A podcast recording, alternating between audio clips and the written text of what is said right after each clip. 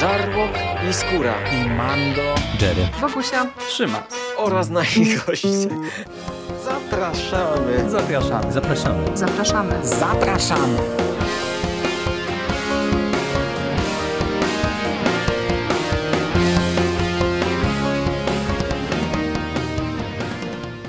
Witamy Was wszystkich bardzo serdecznie w kolejnym odcinku konglomeratu podcastowego. Z tej strony Michał Rakowicz, czyli Jerry, i jest ze mną Rafał Sieciński, Sik. Cześć, Siku. Cześć, Jerry. Dzień dobry, dobry wieczór, słuchaczki i słuchacze. Powracamy do tematu filmu, o którym już mówiliśmy, a raczej do sequela filmu, o którym już mówiliśmy, a mianowicie do serii Terrifier. Można już myślę mówić o serii, bo dzisiaj porozmawiamy o sequelu, a już wiemy, że y, twórca, czyli Damian Lione y, pracuje nad y, trzecią odsłoną. Zapowiadaliśmy, że być może mm, do tego sequela siądziemy w poprzednim odcinku. Zeszło nam długo na to, y, ponieważ y, no, oglądaliśmy ten film w sumie niedawno, z, pewnie z perspektywy mm, słuchających. Ale nam się nie chciało. Panie, co to tak. będziesz mówił? Nie chciało nam się. Nie było tak. mobilizacji. Nagramy, tak, nie było. A, może za tydzień. No dobre, to może za tydzień. No nie będziemy tej ściemniać, a przynajmniej z mojej strony. Nie było jakiegoś parcia, y, żeby to nagrać. No tak, tak. A, a film w sumie już też nawet tak patrzę, że on debiutował miesiąc temu to myślałem, że tak szybko aż teraz nie leci, a to już miesiąc od świąt w zasadzie. A on debiutował w polskich kinach 23 grudnia i co ciekawe, jeszcze na pojedynczych seansach można go znaleźć, bo ostatnio szukałem innego filmu i złapałem w Cinema City, że nadal jest pokazywany. Super. A to to fakt, cieszy mnie, że wiesz, że ten horror ma długie nogi i cały czas ludzie tam może mają ochotę go oglądać. Natomiast on już był, e, wydaje mi się, 10 grudnia u mnie na pokazach przedpremierowych w, e, w moim mieście. Także no, on, no to, to on od początku, no może nie od samego początku, ale od, powiedzmy od połowy grudnia pojawiał się, była jakaś taki, jakaś taka noc grozy, czy, czy w grudniu zrobiona, gdzie był wyświetlany chyba jeszcze z jakimś innym filmem, także te pokazy przedpremierowe się pojawiły i, i, i on był wyświetlany jeszcze przed premierą. E, no i patrząc na to, że był 10 w kinie, a 23 premiera, to dwa tygodnie przed premierą, nie? Mhm, tak, tak. No to, to trochę już tych widzów musiał zebrać. Ja pamiętam, że mignęła mi gdzieś taka statystyka mm, weekendu e, świątecznego, tego 24, 25, 6 chyba tam był też wliczony i Terrifier był drugim najpopularniejszym filmem w Polsce. Chyba tam 14 tysięcy niespełna biletów się sprzedało.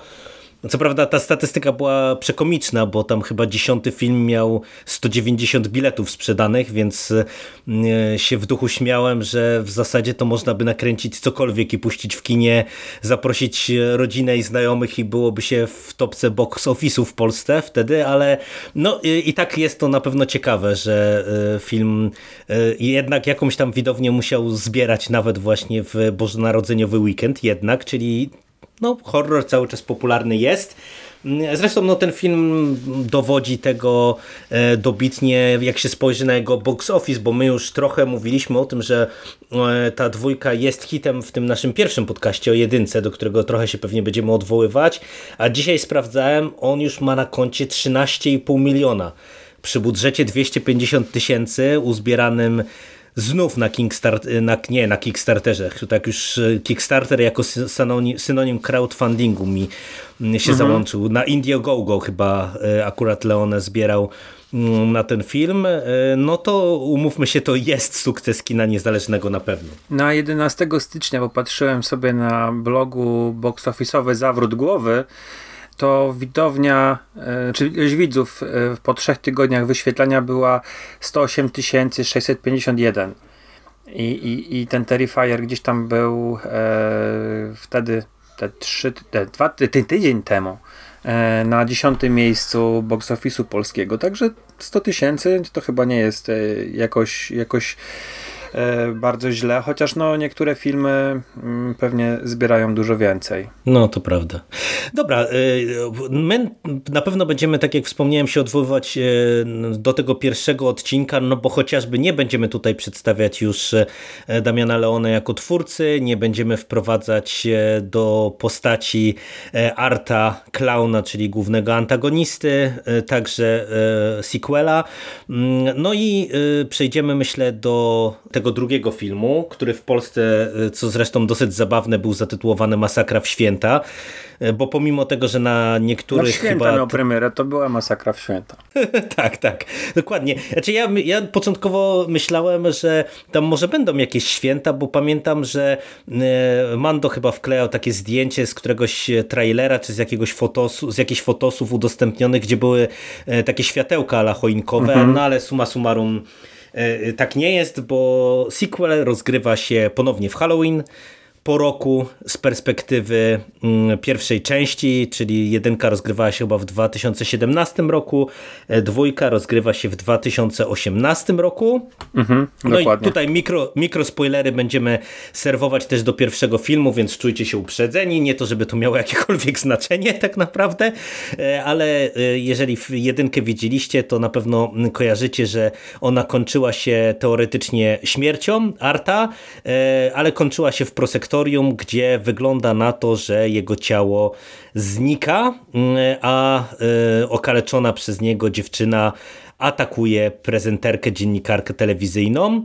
No i my w zasadzie dwójkę e, rozpoczynamy w momencie zakończenia tej jedynki, bo najpierw mamy taki dziesięciominutowy y, niespełna wstęp, y, który się rozgrywa właśnie w tym prosektorium. Widzimy ożywionego Arta, który maltretuje y, koronera i później ucieka zabrawszy jakieś tam gadżety w miasto i tam się pojawia już taka jakaś dziwaczna dziewczynka, Pale Girl, ona chyba jest tytułowana e, na różnych angielskich stronach, która no, wygląda jak taka mini wersja e, Arta, też czarno-biała, e, z podobnym makijażem.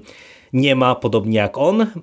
I w zasadzie mamy przeskok o ten rok i poznajemy rodzinkę Showów, Sienę Show, czyli główną protagonistkę z kolei tego filmu, jej brata i ich e, matkę.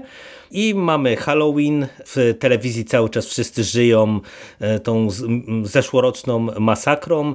E, braciszek jest mocno zajawiony postacią Arta.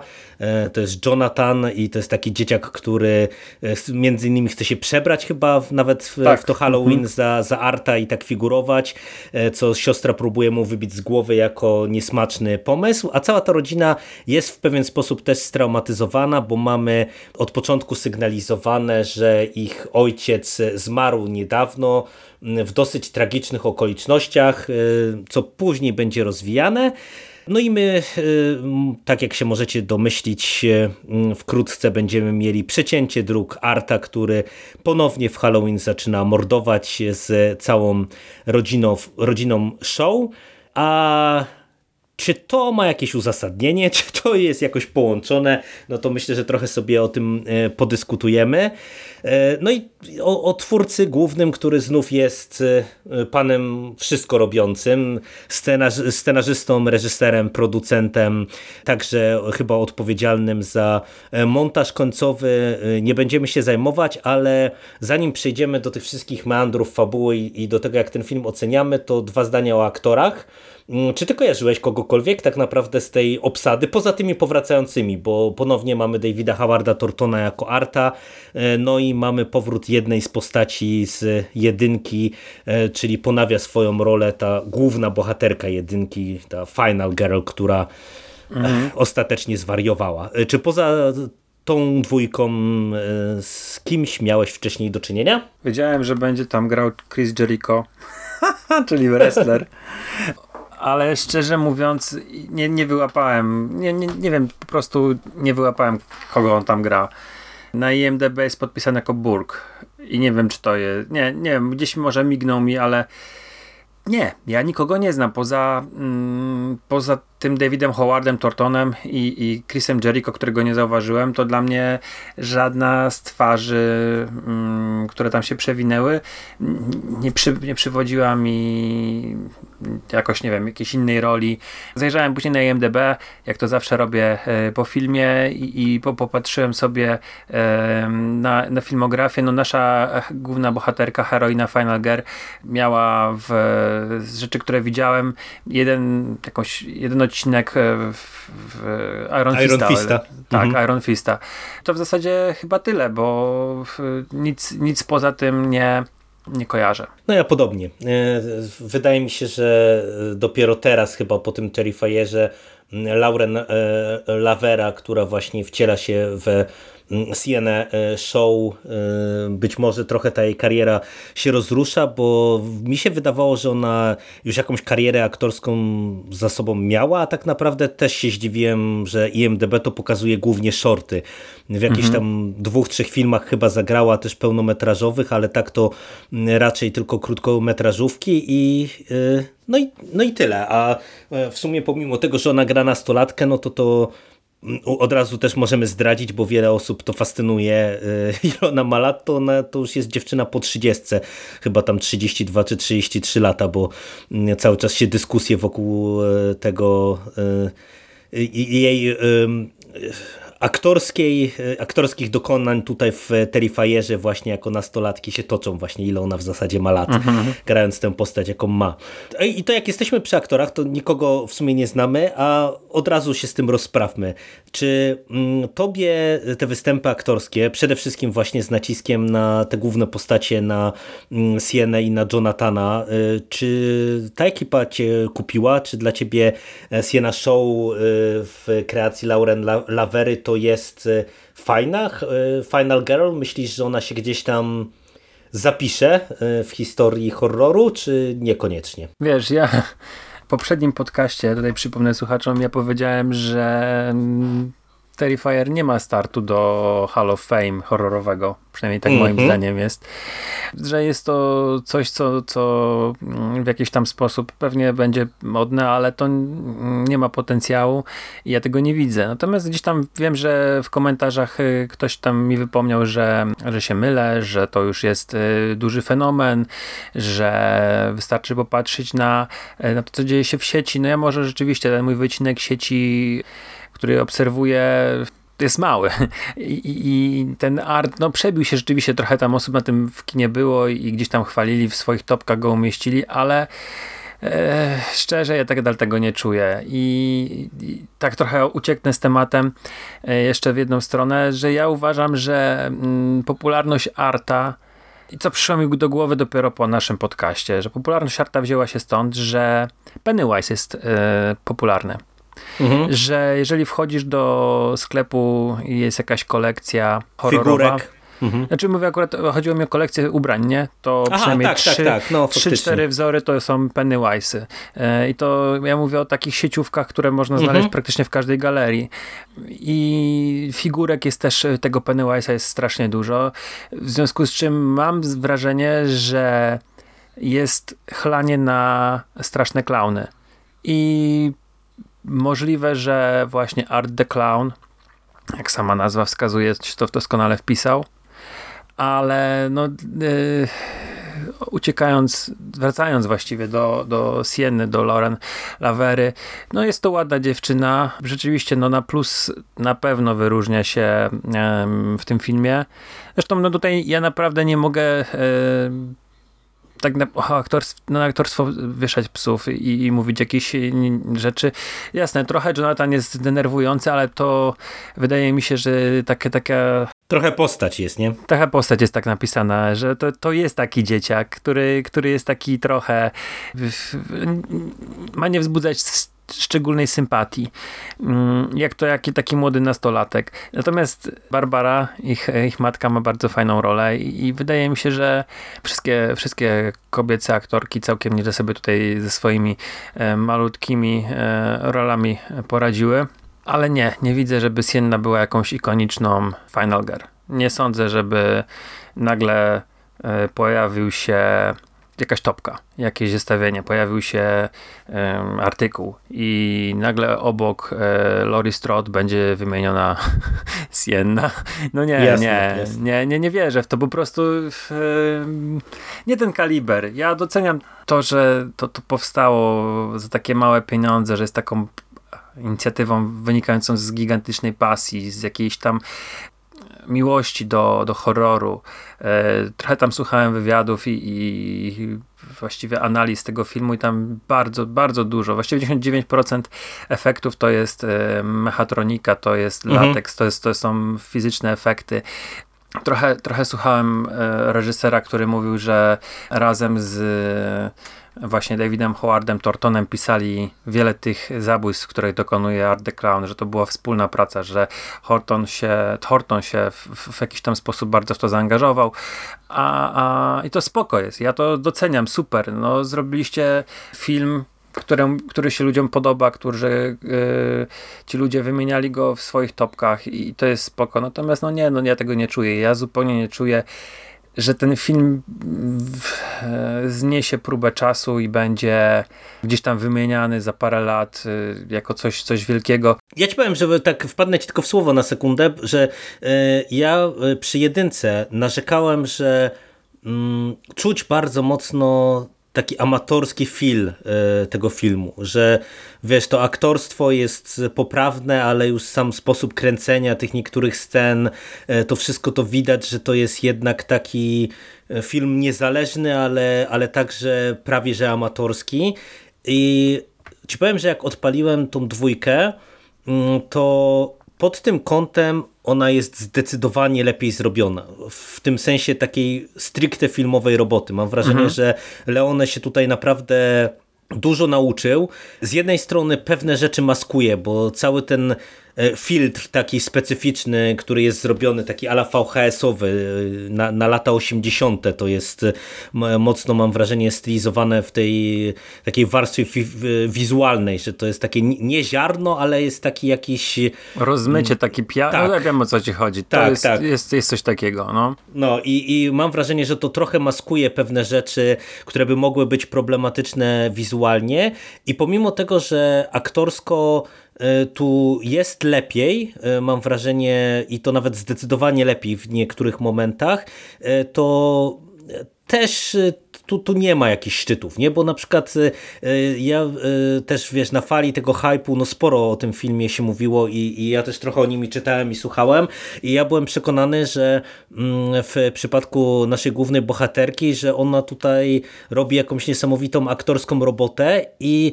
i trochę mm, w trakcie seansu byłem e, zaskoczony tym, że kiedy mamy te sceny takie domowe, to ona jest co najwyżej poprawna, mam wrażenie. Mhm. Tam były też takie sceny e, rozmowy z matką w kuchni, to tak, nie wiem, telenowelowo mi zajeżdżało, taką, taką telewizyjnym aktorstwem.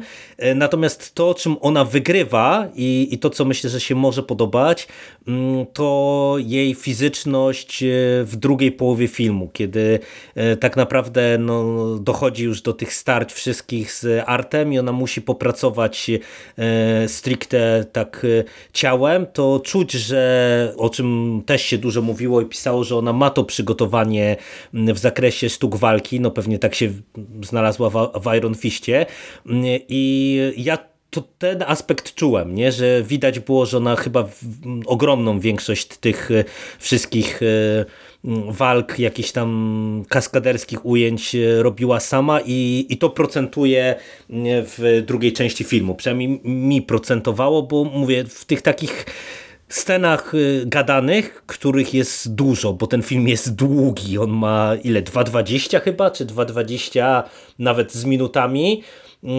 i y, no, tych scen gadanych jest bardzo długo i ten, ten początek jest w porządku, widzę poprawę w stosunku do jedynki, ale mówię, no mnie też jakby to na kolana jakoś tam nie rzuciło. Zgadzam się. Aczkolwiek wiesz, ja to tak odebrałem, gdzieś telewizyjne, mm, ja to odebrałem to aktorstwo jak takie po prostu serialowe. O, Rzeczywiście. tak, tak, tak. To jest mhm. serialowe aktorstwo, czy oglądamy serial Netflixa, czy oglądamy, i to nie mówię o jakichś takich, wiecie, super produkcjach e, w stylu Sandman, czy HBO, tylko mówię o takich po prostu serialach, które po prostu muszą powstać. I to jest tego typu aktorstwo, no zgadzam się też z tym, że to jest telewizyjne, bo kiedyś te seriale by leciały w telewizji, a teraz trafiałem też na platformę, więc trochę to się rozmyło, ale tak. I, i wiesz, mówiąc, że te dziewczyny wykonały dobrą robotę, to chodzi mi też o to, że to jest y, cały czas mówimy o filmie niezależnym za mhm. śmieszne pieniądze. I jeżeli sobie, wiesz, y, odpalisz horror obok tego, horror, który, nie wiem, powstał po to, żeby zabezpieczyć prawa yy, i kosztował dwa, trzy razy więcej, bo nie wiem, Stan Georgia albo nie wiem, nie, tak, tak, rzucił inny, odda, w ramach im, odpisów podatkowych tak, czy czegoś takiego. im dwie mhm. trzecie, to tutaj te dziewczyny, te, te, te ci aktorzy błyszczą, bo tam, tam mhm. znowu takie, nie wiem, dzieci kukurydzy 9 czy coś w tym rodzaju, no niestety, ale jest to e, zdecydowanie mm, słabsze. Także o to mi chodziło, mówiąc, że wiesz, że bohaterki, bo tutaj głównie chodzi chyba um, o bohaterki, y, poradziły sobie z tym i, i to wygląda w, akurat moim zdaniem ciut lepiej niż jeżeli sobie postawimy powiedzmy mm, filmy o podobnych budżetach, które powstają. Nie? Tak, tak.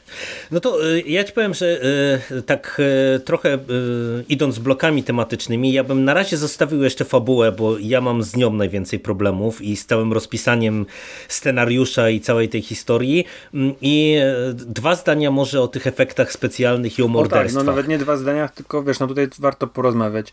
Tak. Zapytam cię, bo jest tego gor sporo i jest momentami naprawdę mocne, ale, ale dla mnie na przykład bardziej intensywna była jedynka, dużo bardziej się na niej pociłem, zresztą opowiadałem, że robiłem przerwy, bo mnie jakieś tam sceny przetyrały, tutaj raczej tego nie było, ale czy jest jakaś scena, która, która według ciebie się wyróżnia i którą zapamiętasz na długo? Wiesz to, ja miałem już pewne oczekiwania, no bo umówmy się, chociaż się z tego nabijaliśmy, całego tego marketingu na zasadzie ludzi wychodzących z kina, mdlejących, wymiotujących i tak dalej, i tak dalej, mm, no to to budziło przynajmniej jakąś tam ciekawość i no naprawdę y, byłem zwyczajnie zainteresowany tym, czy faktycznie ten film y, w kontekście tego gore będzie stał na takim poziomie, jak to zapowiadają. I to otwarcie uważam, że jest bardzo mocne i ono jest nawet mocniejsze niż chyba to, co dostawaliśmy w jedynce. Mam na myśli cały ten prolog e, dosyć długi, czyli wiesz, ten atak na, na koronera i, i później... później to, co się dzieje w pralni. Mhm. E, to jest naprawdę mm, fajny short, tak moim zdaniem, nie? To, to ten prolog, bo to jest e, mhm. krwawa e, łaźnia w tym prosektorium i później właśnie m, mm, cała ta sekwencja w pralni i przez taką dziwność i ten taki niepokój, jak wiesz, jak mamy te sceny, kiedy on tam siedzi nagi e, i, i pierze te swoje ubrania, tam obok siedzi jakiś facet na przykład, bo to jest, wiesz, to jest od razu takie niepokojące, to się nic, nic niby się nie dzieje, ale no jak my już wiemy, e, jaką postacią jest ten no to, to, to się spodziewamy najgorszego. A do tego jeszcze się pojawia nam ta dziewczynka i ona też jak wchodzi na scenę, to, to robi no, dziwaczne rzeczy. I, I to jest naprawdę y, mocna rzecz. I później ten film długo wygasza, y, mam wrażenie, te, te wszystkie aspekty, bo przecież tam mamy wprowadzenie tej rodziny, mamy szkołę, tam są jakieś pojedyncze takie y, trochę bardziej niepokojące sceny, jak z tym oposem chyba y, na przykład właśnie w na szkolnym korytarzu. I y, dopiero tak gdzieś y, od połowy zaczyna być intensywnie i, i no nie wiem, czy to można nazwać slasherem, może i można. Wchodzimy właśnie w taki killing spree Arta i, i, i w ten ciąg zabójstw poszczególnych. Niektóre są pomysłowe, tego gore faktycznie jest dużo. Ja na pewno jako takie coś, co już jest chyba trochę jakby na granicy przygięcia dla mnie, y, patrząc na resztę filmu, to jest y, ta scena kaźni jednej z koleżanek y, Mówimy o sypialni. Sieny. Tak, mówimy o sypialni. Bo ta, ta scena jest, jest naprawdę jest, jest strasznie mocna, nie? Chociaż... Ellie, ta dziewczyna się nazywała. Tak, tak, tak. I, i ja ci powiem, że ja w trakcie seansu to mnie wykręcało na całej tej scenie, chociaż no mówię, ona jest przegięta, natomiast post factum, post factum ja trochę stwierdziłem, że i to będzie pewien paradoks, że ja nie wiem, czy na mnie y, większego wrażenia nie zrobiła nieco podobna scena w 7, jak e, e, będziesz kojarzył na pewno mhm. taką scenę z... Pan w pokoju z e, choinkami, choinkami wiszącymi. Tak, tak, dokładnie. dokładnie tak, dokładnie tak. I tam ta scena przecież teoretycznie no miała zupełnie inny wydźwięk, nie? Teoretycznie nie była tak przeładowana krwią i flakami, ale po prostu ja jak tylko sobie przypomnę właśnie ten, ten fragment z 7, to mam wiesz, gęsią skórkę, a tutaj tak post factum to też jakoś to na chłodno przyjmuję. Także trochę mam wrażenie, że ta scena jest przegięta w kontekście nawet całej reszty filmu i na pewno zostanie przeze mnie zapamiętana, ale ale tak, żeby ci już oddać głos, no na mnie to Gor tak trochę na chłodno ja to przyjąłem wszystko. W sumie nawet nie wiem dlaczego. Gdzieś tam jeszcze po drodze, mm, jeszcze przed oposem była scena chyba snu. Tak, faktycznie. To, to jest przed tym oposem, masz rację. Tak, mhm. Gdzie tam jest właściwie strzelanina. Natomiast scena, której, o której mówisz, e, scena zabójstwa mm, w sypialni tego miejsca kaźni, Leone twierdzi, że jest to była najbardziej skomplikowana scena e, w całym filmie, bo Eli, która tam leży, to, to, to ciało, to była lalka. Mhm, tak, tak. On się tym chwalił, że oni tak. zbudowali właśnie jakąś taką mechaniczną konstrukcję, nie? Gdzieś tam operatorzy byli pod albo za e, tym łóżkiem schowani i poruszali tym wszystkim. Była jakaś, nie wiem, czy maszyna, czy jakaś tam okablowanie, które pozwalało wprowadzać powietrze, że to ta lalka oddychała, także to robi naprawdę duże wrażenie i wydaje mi się, że scena mm, jest tak fajnie zrobiona, że widz jest tak samo zaskoczony jak matka Eli, która właśnie wchodzi do tej sypialni i odkrywa to, co zrobił mhm. Art. I jesteśmy tak w tych, tych samych emocjach, w tym samym przerażeniu i zaskoczeniu, co, co właśnie bohaterka. I, I ja akurat tę scenę z pewnością zapamiętam chyba najlepiej, najbardziej, bo szczerze to nie mówię to tak naprawdę z, z ręką na sercu, nie myślcie, że po prostu w jakiś tam sposób chcę uderzyć w ten film, ale nic innego się dla mnie jakoś nie wyróżniło. Zdecydowanie bardziej odczuwałem wszystkie sceny przemocy w pierwszej części, mimo że może nie były aż tak pomysłowe, ale gdzieś to ten brud, to, to takie mm, to, że wiedziałem, że to, to za, za, śmieszne pieniądze było robione i, i to, to ten czuć tam taką, tą, mm, może nie taniość, ale Coś, coś takiego było w jedynce, którego, z czego ja teraz nie potrafię nazwać. Ona była bardziej nihilistyczna. To tak, było dla właśnie, mnie takie, takie kino, kino eksploatacji, ale w takim nihilistycznym stylu, a ta dwójka, ona ma cały feeling e, ja widziałem w kilku różnych miejscach, to, to chociażby e, Marta Płaza chyba też u siebie pisała o tym, że, że trochę miała poczucie jakby e, to była taka wariacja na temat koszmaru z ulicy Wiązów, ale to, to porównanie się przewija i ja je trochę rozumiem, ale nie zgadzam się, ale to jeszcze rozwinę za chwilę. E, I wydaje mi się, że przez to właśnie może ta przemoc e, nie działa, że ona jest w bardziej rozrywkowym tonie podana. Wiesz, te kolory, ten taki surrealizm tego wszystkiego, e, to, to, to powoduje, że pomimo tych krwawych efektów, że to y, ostrze jest jakby stępione, nie? Gdybyśmy mieli tak. to podawane tak jak w jedynce, dlatego ja też na przykład to 7 przywołałem, że tam wiesz, mm, tam też miałeś taki nihilizm wypływający z tego wszystkiego, nie? Beznadzieje, takie, te po prostu te wszystkie sceny były przez to tak przerażające, nie? A, a tutaj, no to trochę inaczej działa. Ja widzę to w ten sposób, że chyba klimat, jaki Leone chciał w tym filmie zrobić, czyli taki nie, do nie chcę mówić oniryczny, bo to zaraz przywodzi koszmar, a ja nie miałem tych skojarzeń, e, mimo że rzeczywiście gdzieś tam się one pojawiły i, i czytając je rzeczywiście, no jest scena w, w śnie jakaś, e, która się dzieje, gdzie są płonący ludzie i, i strzelanina. No rzeczywiście, to trochę jest y, w, momentami by rzeczywiście mogło przypominać i w dwójce koszmaru, bo przecież tak y, chyba mm, najbardziej Freddy wyszedł na zewnątrz i się pojawił na jakiejś imprezie i, i mordował mhm, tak, tak. nie w śnie, ale generalnie mordował ludzi na zewnątrz, e, czy to gdzieś tam pod prysznicami, czy, czy, czy w jakiś tam inny sposób.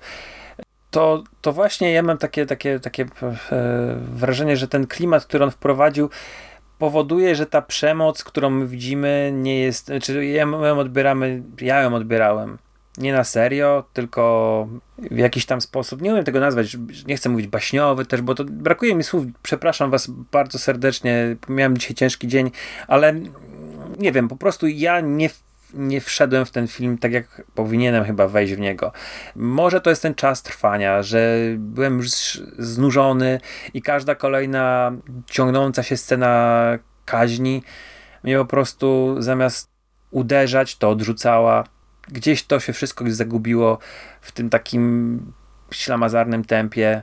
No nie umiem tego jakoś specjalnie określić, ale jest, jest coś nie tak z, z vibe'em tego filmu. Że o ile jedynkę traktowałem strasznie poważnie i strasznie cierpiałem na tych scenach i ta przemoc była naprawdę uderzająca, to tutaj to takie było mm, letnie. Znaczy ja, ja mam wrażenie, że y, problem, który y, z tym filmem ja mam, y, wynika stricte z rzeczy scenariuszowych i to się przekłada na całą resztę. Bo ja się przyznam, że ja tak myślę, że przez dwie trzecie, może 60% bawiłem się naprawdę bardzo dobrze. I mi się ten film podobał, ale niestety ja mam wrażenie, że tak jak to jest sukces kina niezależnego, na pewno, y, to to jest też chyba przykład filmu, mm, który obnaża pewne problemy właśnie jakby takiego kina autorskiego na mhm. zasadzie takiej, że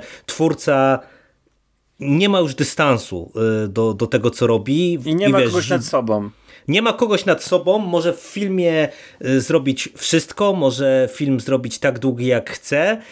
I to u mnie powoduje problem taki, że ten film powolnie się rozkręca, ale to bym kupił, bo mówię, prolog mi się podobał, to wprowadzenie postaci, całe, cała ta rodzinna historia, to jest dla mnie w ogóle chyba najlepszy element tego filmu, ale później mamy ostatnią godzinę, która powoduje, że ten film się strasznie sypie, bo ja mam wrażenie, że tutaj nie do końca chyba sam Leone wiedział, co chce zrobić. No bo mamy tego arta ożywionego i no chyba możemy powiedzieć, e, czy założyć, że przez jakąś siłę nadnaturalną, nie wiadomo w zasadzie przez kogo i jak on wrócił do życia, mamy tą dziwną dziewczynkę, którą na początku widzi tylko on, a później się okazuje, że widzą y, ją także rodzeństwo show, widzi ją rodzeństwo show, bo widzi ją e, i e, Jonathan i widzi ją Siena, co w sumie nie jest w ogóle wyjaśnione. Mamy jakieś sugestie, że mm, ta rodzina, czy ten ojciec był być może jakoś związane z tym artem, bo mamy jakieś takie tropy, że znajdują jakiś ten dziennik jego, w którym on rysował tego klauna, nie wiadomo w sumie e, na jakiej zasadzie i widzimy jakby sceny, które się dopiero mają wydarzyć. Mamy całą tę sekwencję snu, która też jakby sugeruje, że y, nie wiem, ojciec y, jakby próbował Sienę może przygotować na starcie z tym artem. No mamy przecież wyraźnie zasygnalizowane, że ten art y, tak jakby zmierzał w kierunku rodziny show, tak jak nie wiem, jak Michael Myers zawsze ciąży ku Laurie w tych wszystkich filmach, czy, czy z serii Halloween, w których oczywiście Laurie jest. I problem mój polega na tym, że tak jak się udało, mam wrażenie, do pewnego stopnia Leone zbudować tę historię rodzinną, to później to, te wszystkie wątki leżą. W tym sensie, że one dla mnie nijak nie wybrzmiewają, bo żadna, żaden z tych motywów nie ma wyjaśnienia, nie ma uzasadnienia, nie ma puenty, nie ma e, w ogóle finału swojego. I to jest dla mnie strasznie duży problem, tym bardziej, że ta końcówka jest rozwleczona na chyba godzinę, mhm. a ona jest też powtarzalna w sumie. te, te, śmierci mam wrażenie, że są powtarzalne, te ataki Arta są powtarzalne, postacie giną i wracają do życia i, i, i to jest nijak nie, nie ten.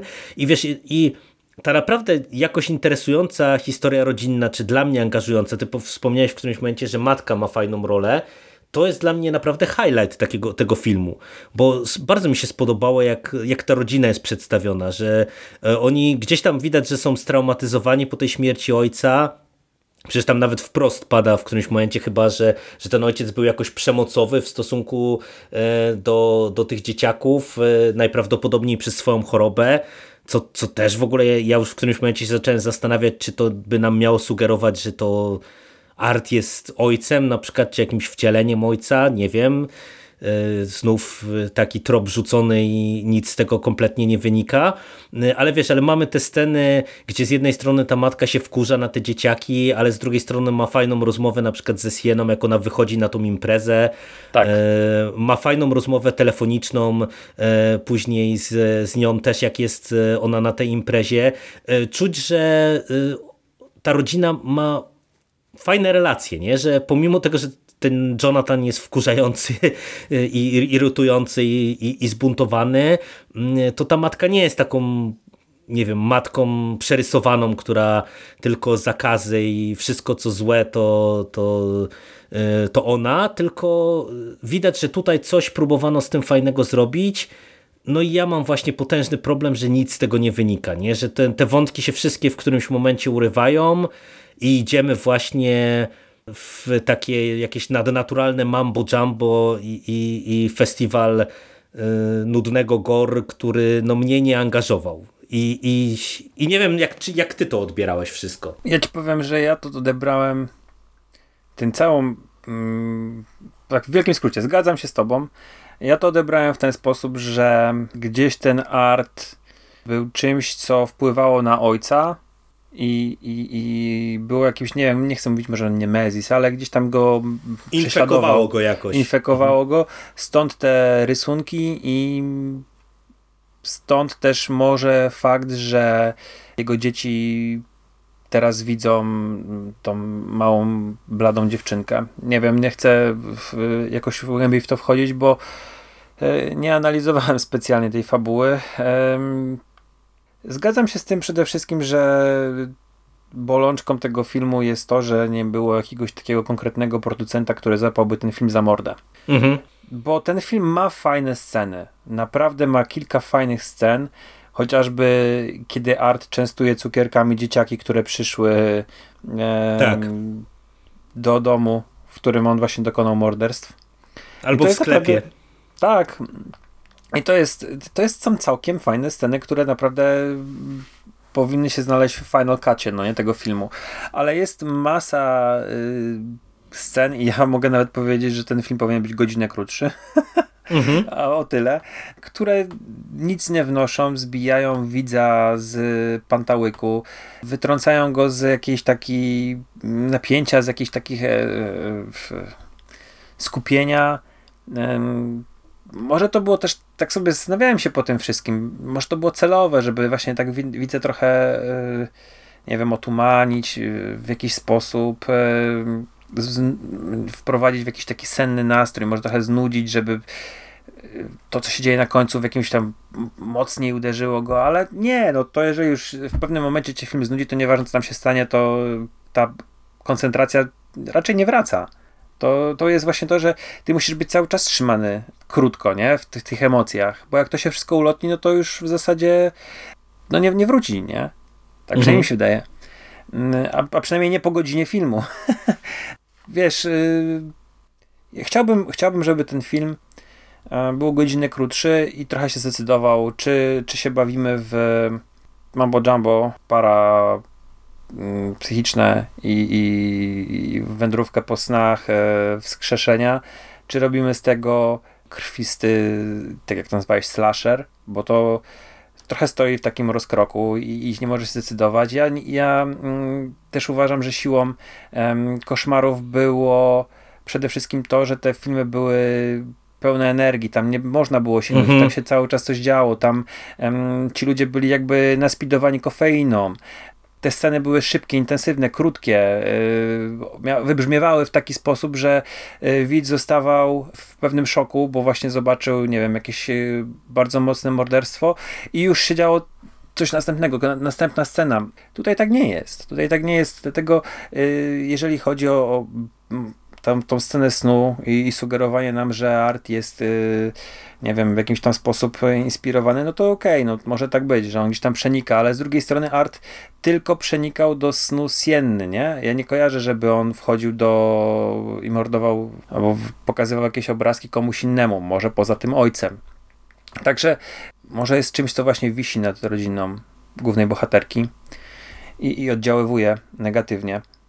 Nie wiem, czy, czy chcę jeszcze wiesz, w jakiś sposób przedłużać y, ten temat, bo chyba nie mam specjalnie już nic do powiedzenia na ten konkretny wątek mhm. fabularny. Trochę mi się to, to y, nużyło i, i, i nie podobało. Czy wiesz, no, ja powiedziałem, że yy, dopowiem dlaczego ja się nie zgadzam właśnie, że to jest y, taki trochę y, podejście nowe dla, do Koszmaru z ulicy Wiązów, bo mam wrażenie, że ty mówisz, że tamte filmy miały energię, one przede wszystkim miały bardzo wyraźny pomysł na siebie, a tutaj tego brakuje, bo wiesz, ja bym był dużo bardziej zaangażowany, czy dużo bardziej bym kupował to wszystko, gdyby Leone sam wiedział, co nam prezentuje. A tak to ja skończyłem ten film i nie do końca rozumiem fabułę, nie do końca rozumiem te różne tropy, które e, tutaj e, były rzucane. E, próbowałem sobie poczytać, jak to wszystko niby funkcjonuje. W zasadzie żadnego wyjaśnienia nie ma, poza tym, że będzie trójka i wtedy to się wszystkiego dowiemy co dla mnie jest lipne, bo no ja jednak bym chciał wiedzieć na tym etapie cokolwiek, nie? A tak e, mam wrażenie, że mm, ten film chciał być czymś rozrywkowym chyba, czy dużo bardziej rozrywkowym niż e, ta nihilistyczna jedynka, ale właśnie nie mógł się zdecydować, czy iść e, właśnie w takie jakieś e, mm, bardziej nadnaturalne e, mambo jumbo i, i wiesz, to jest dziwne, bo ja mam wrażenie, że to mogło się udać, bo dla mnie takim przeskokiem zrobionym wzorowo to jest Wolf Creek, gdzie jedynka mhm mnie mocno wymęczyła. Ona była właśnie taka brudna, to była taka no, eksploatacja normalnie jak z lat 70., ciężka, brudna nieprzyjemna, e, nudna przez pierwszą godzinę, więc jeszcze byłem Oglądałem wymęczony. ten film na randce. Powodzenia. No to tak, to, się, to, to czasem tak bywa. No, no, było, e, było. ale, ale yy, dwójka to jest przecież absolutna jazda bez trzymanki, no wiesz, puszczenie się peronu pod każdym jednym kątem, to jest moja pamiętna przeze mnie scena z kangurami, czy wiesz, strzelanie y, ze snajperki do policjantów od razu na, na otwarcie tego filmu. No, no tam, tam było mnóstwo fanu i ten film był mm, przegięty, absurdalny, ale właśnie był energetyczny, był szybki, miał pomysł na siebie, y, mhm. a tutaj właśnie mi tego brakło, nie? I, i, i to to jest o tyle ciekawe, że ja bym mm, widział y, ten film może krótszy, ale wydaje mi się, że on by wymagał tak naprawdę przepisania. W tym sensie, że w takiej wersji, czy tak jak ten materiał jest nakręcony, to po prostu tu tak bardzo nie ma puenty w tym wszystkim i tak bardzo te wątki mm, są nie, niepodokańczane, że ja trochę nie widzę, jakby można go było skrócić żeby on był lepszy. No mówię, zdecyduj się albo na slasher, albo na jakąś, jakąś oniryczną fantazję krwawą, brutalną, nie? A musisz, musisz jakąś drogę wybrać. Ja w poprzedni film y, przywoływałem Roba Zombiego, przy, przy, przy, poprzednim filmie przywoływałem Roba Zombiego i jego film 31 i mówiłem, mhm. że Rob Zombie chciałby nakręcić taki film jak Terrifier. Tutaj też przywołam Roba Zombiego, że ja mam takie wrażenie, że Lione poszedł w taką ekstrawaganzę, jak e, potrafi zrobić zombie właśnie, nie wiem, Dom Tysiąca Trupów, nie? Mhm. Trójka z piekła, czy coś w tym rodzaju. I, i, i jemu się to nie udaje. Że no nie, nie, nie, nie udało mu się. Nie udało mu się, nie, nie, ta ekstrawaganza, taka wiesz, pomieszanie z poplątaniem, bo w Domu Tysiące Trupów też przecież mamy odniesienia do Alicji w Krainie Czarów w pewnym momencie, nie? To tutaj Lione chciał zrobić, nie wiem, może jakąś swoją własną mitologię, może jakieś takie e, bardzo e, mocne, rozbudowane lore chciał wprowadzić i jednocześnie gdzieś tam się odnosi przecież do wszystkiego, nie? Między innymi scena, która bardzo mocno odwołuje się do Halloween, mhm. tym, z tym okularami, nie? Na, na e, prześcieradle. prześcieradle. Mhm, tak. Wiesz, ale y, mam takie wrażenie, że mu po prostu jemu się nie udało. Jemu nakręcił film i no, zrobił co umiał. Czyli tak go zmontował, żeby jakąś taką w miarę mm, sensowną całość go to, to, to, to wbić, ale tam powinien być ktoś, kto, kto czuwa nad, e, nad tym, ktoś, kto na etapie e, zatwierdzania e, nie wiem, jakiegoś planu produkcji usiądzie i mówi nie, to jest bez sensu, bo to, to nie ma, z tą sceną nie ma ciągłości przyczynowo-skutkowej, nie? Tutaj musimy to skrócić, bo, bo ta, ta scena będzie za długo trwała i, i później jest jakiś kierownik produkcji, który czuwa nad tym i ktoś, kto też czuwa nad e, Leonek, gdy on to montuje i nie, dobra, to skróć, to jest bez sensu, to jest i wiesz, brakuje tej osoby. No niestety ty tak powiedziałeś, że to jest e, może trochę porażka tego kina niezależnego, ja się z tym zgadzam. Cały czas wracam do tego myślami, że to jest naj, naj, najlepszy take na ten film. Że o ile tamten był sukcesem kina niezależnego, to tutaj mamy właśnie ten, ten, to jest ten obusieczny miecz. Czyli jeżeli nikogo nie masz nad sobą, to ktoś nie pomoże ci opanować materiału, z którym się mierzysz. No, y, ja ci powiem, że mnie y, pod tym kątem to wręcz zniesmaczyła ta końcówka, bo y, mam wrażenie, że te, te ostatnie sceny, które nam znów łączą trochę dwójkę z jedynką i jednocześnie są takim no, slasherowym. Akurat to jest bardzo typowy w slasherach y, motyw, czyli zło teoretycznie zostaje pokonane, ale tak naprawdę zło nadal żyje. Y, to ta scena była y, bardzo zła. Ta, ta, mówię o tej scenie takiej ala po napisach, bo tam chyba już napisy się zaczynają i mamy jeszcze sekwencję w szpitalu mhm. tym psychiatrycznym. I, I naprawdę ta scena mi zepsuła ten film do reszty, że wiesz, miałem naprawdę bardzo dobre wrażenia e, przez e, znaczną część seansu i one tak e, były stępiane, stępiane, stępiane i tak się skończył ten film mówię, no okej. Okay. Do Oposa nie... miałeś dobre wrażenia? Czy do, do, do, Oposa? To był Opos, prawda? Opos, to jest tak, Opos. Opos, tak, tak, tak. Ja nawet trochę dłużej, nie? Ja nie, nawet wiem, trochę do imprezy, dłużej, nie? Do imprezy halloweenowej tak. moim zdaniem. O, tak, tak, Tutaj tak, się dokładnie. ten film zaczyna sypać. No. A później dostajemy jeszcze w końcówce to, co dostajemy, nie? Tak. No właśnie. To tak, słuchacze, słyszycie nasze zdanie. Ja myślę, że jestem jeszcze bardziej chłodny niż e, Jerry w ocenie Terrifiera 2. Naprawdę chciałem się na tym filmie dobrze bawić. Kurczę, no, no jedynka mi się podobała. No, możecie wrócić sobie do, do naszego poprzedniego nagrania sprzed chyba dwóch miesięcy i, i tam byliśmy naprawdę pełni entuzjazmu i uznania, a tutaj no niestety jakoś chyba się nie udało. No tak, no jak e, słychać trochę żeśmy się rozminęli. Ty wspomniałeś Siku e, na początku, że mm, nie mogliśmy się zebrać do tego nagrania i ja między innymi dlatego jednak cały czas e, mówiłem, że powinniśmy do tego siąść, bo mam wrażenie, że jesteśmy tak nieliczni, którzy się z tym filmem rozminęli i chciałem, żeby trochę wybrzmiały pewne właśnie wątki, które tutaj poruszamy, bo nie wiem na ile to jest też tak, że po prostu ten taki super super hura optymistyczne opinie, czy one już nie są nazbyt powielane po prostu, nie? Że wiesz, już no w którymś momencie to nie wypada y, filmu skrytykować, bo, bo idzie za bardzo pod prąd, e, a mam wrażenie, że mówię, ten film mm, nie jest może jakąś porażką, ale no niestety mm, to nie jest tak dobry film, jak, jak chcieliby niektórzy i e, tak jak ja się zastanawiałem, e, robiąc takie koło też do naszego tego poprzedniego odcinka e, przy tej ostatniej dyskusji, czy właśnie ta postać, czy ta seria ma szansę mm, zapisać się w historii kina, to jednak ja po tej dwójce uważam chyba podobnie tak jak ty już wtedy wieściłeś, że że to jest raczej taka sezonówka, nie? która teraz trochę narobiła faktycznie szumu yy, przez sprawny marketing i, i, i też trochę przez to, że chyba takiego kina w kinach za dużo jednak nie ma, mhm. no, no bo to jednak no, no, no, jest coś nietypowego, umówmy się, od czasów y, najpierw francuskiej ekstremy, a później tej fali tych brudnych remake'ów y, y, i, i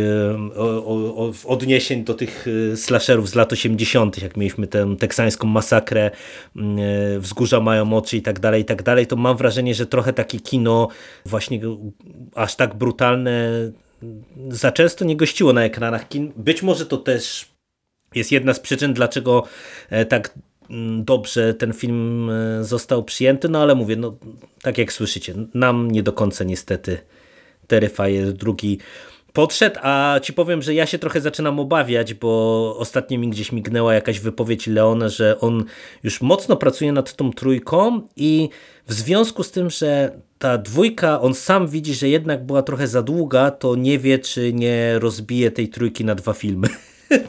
Więc nie wiem, czy ja byłbym w stanie to znieść. Wiesz co, jeżeli struktura będzie jakaś taka jednolita, no to, to czemu nie? Jeżeli wiesz, będziesz miał jeszcze dwa filmy, po, powiedzmy po, po godzinę 30 i one będą jakieś sensowne, to dlaczego nie? Ale mm, wiesz, nad czym się jeszcze zastanawiałem, bo sobie przejrzałem oceny znajomych mhm. i mam takie e, taką myśl, że może my jesteśmy, się rozmawialiśmy z kodem tego filmu, że z językiem, że, bo tak sobie spojrzałem i ludzie w podobnym do nas wieku, czyli między no moim 37 a twoim 60.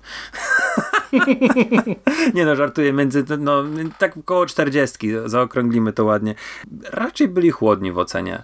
Potrafili w tych swoich ocenach tam coś tam docenić i, i wypowiedzieć się e, pozytywnie, nie wiem, nad, nad próbą jakiejś tam opowieści onirycznej albo chwali Gor, ale nie byli tacy hura optymistyczni. Jak na przykład zauważyłem ludzie z naszej bańki na Twitterze, szczególnie ci młodsi, którzy, którym ten film tak, się strasznie te, te, podobał. na to zwróciłem uwagę. Zwróciłeś mhm. uwagę, że ci, tak. ci, ci, nasi znajomi z Twittera, którzy mają po 20 parę lat, bardzo Byli optymistycznie. Tak, mhm. I, i dlatego ja też nawet się specjalnie na Twitterze nie wypowiadałem, bo nie chciałem jakoś e, wchodzić w w tą dyskusję właśnie dlatego, że zauważyłem, że młodym ludziom się ten film się strasznie podobał. I teraz teraz mówię, może, może ja, ja nie jestem w kodzie tego filmu. Wiesz, ten język, no, jest ten taki moment, gdzie w pewnym momencie jest dzieło kultury, tekst kultury, który odgradza e, pokolenie, nie? Że mhm. młodsze pokolenie reaguje na niego hura optymistycznie, a,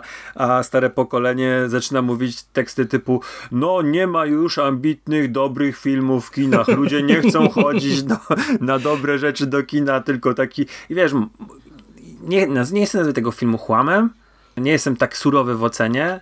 Ja uważam, że w tym filmie się coś wybitnie nie udało.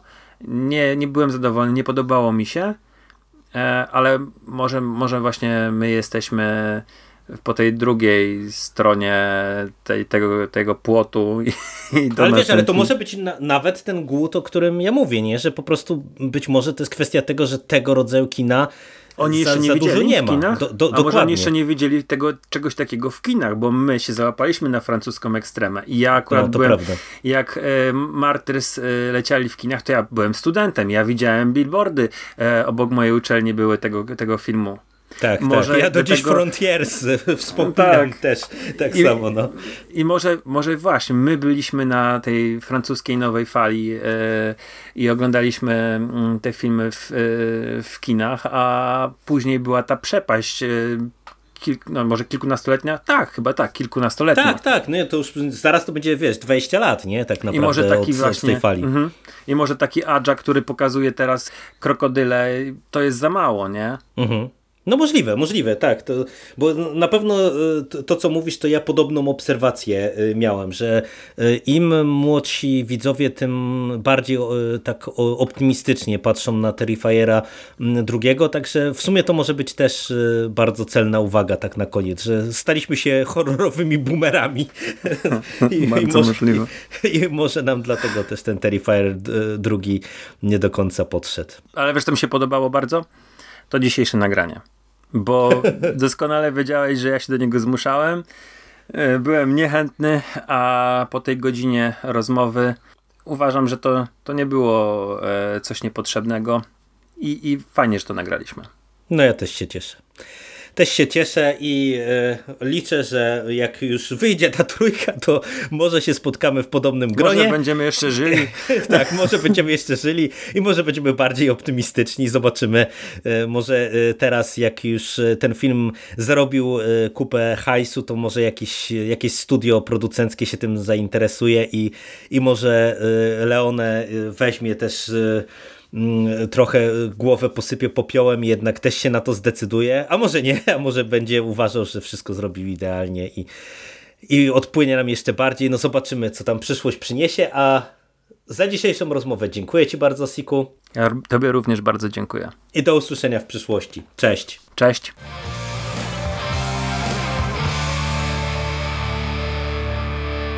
You finished? Fuck are we gonna do now? What are we gonna do? It's over. Nothing is over! Nothing! You just don't turn it off!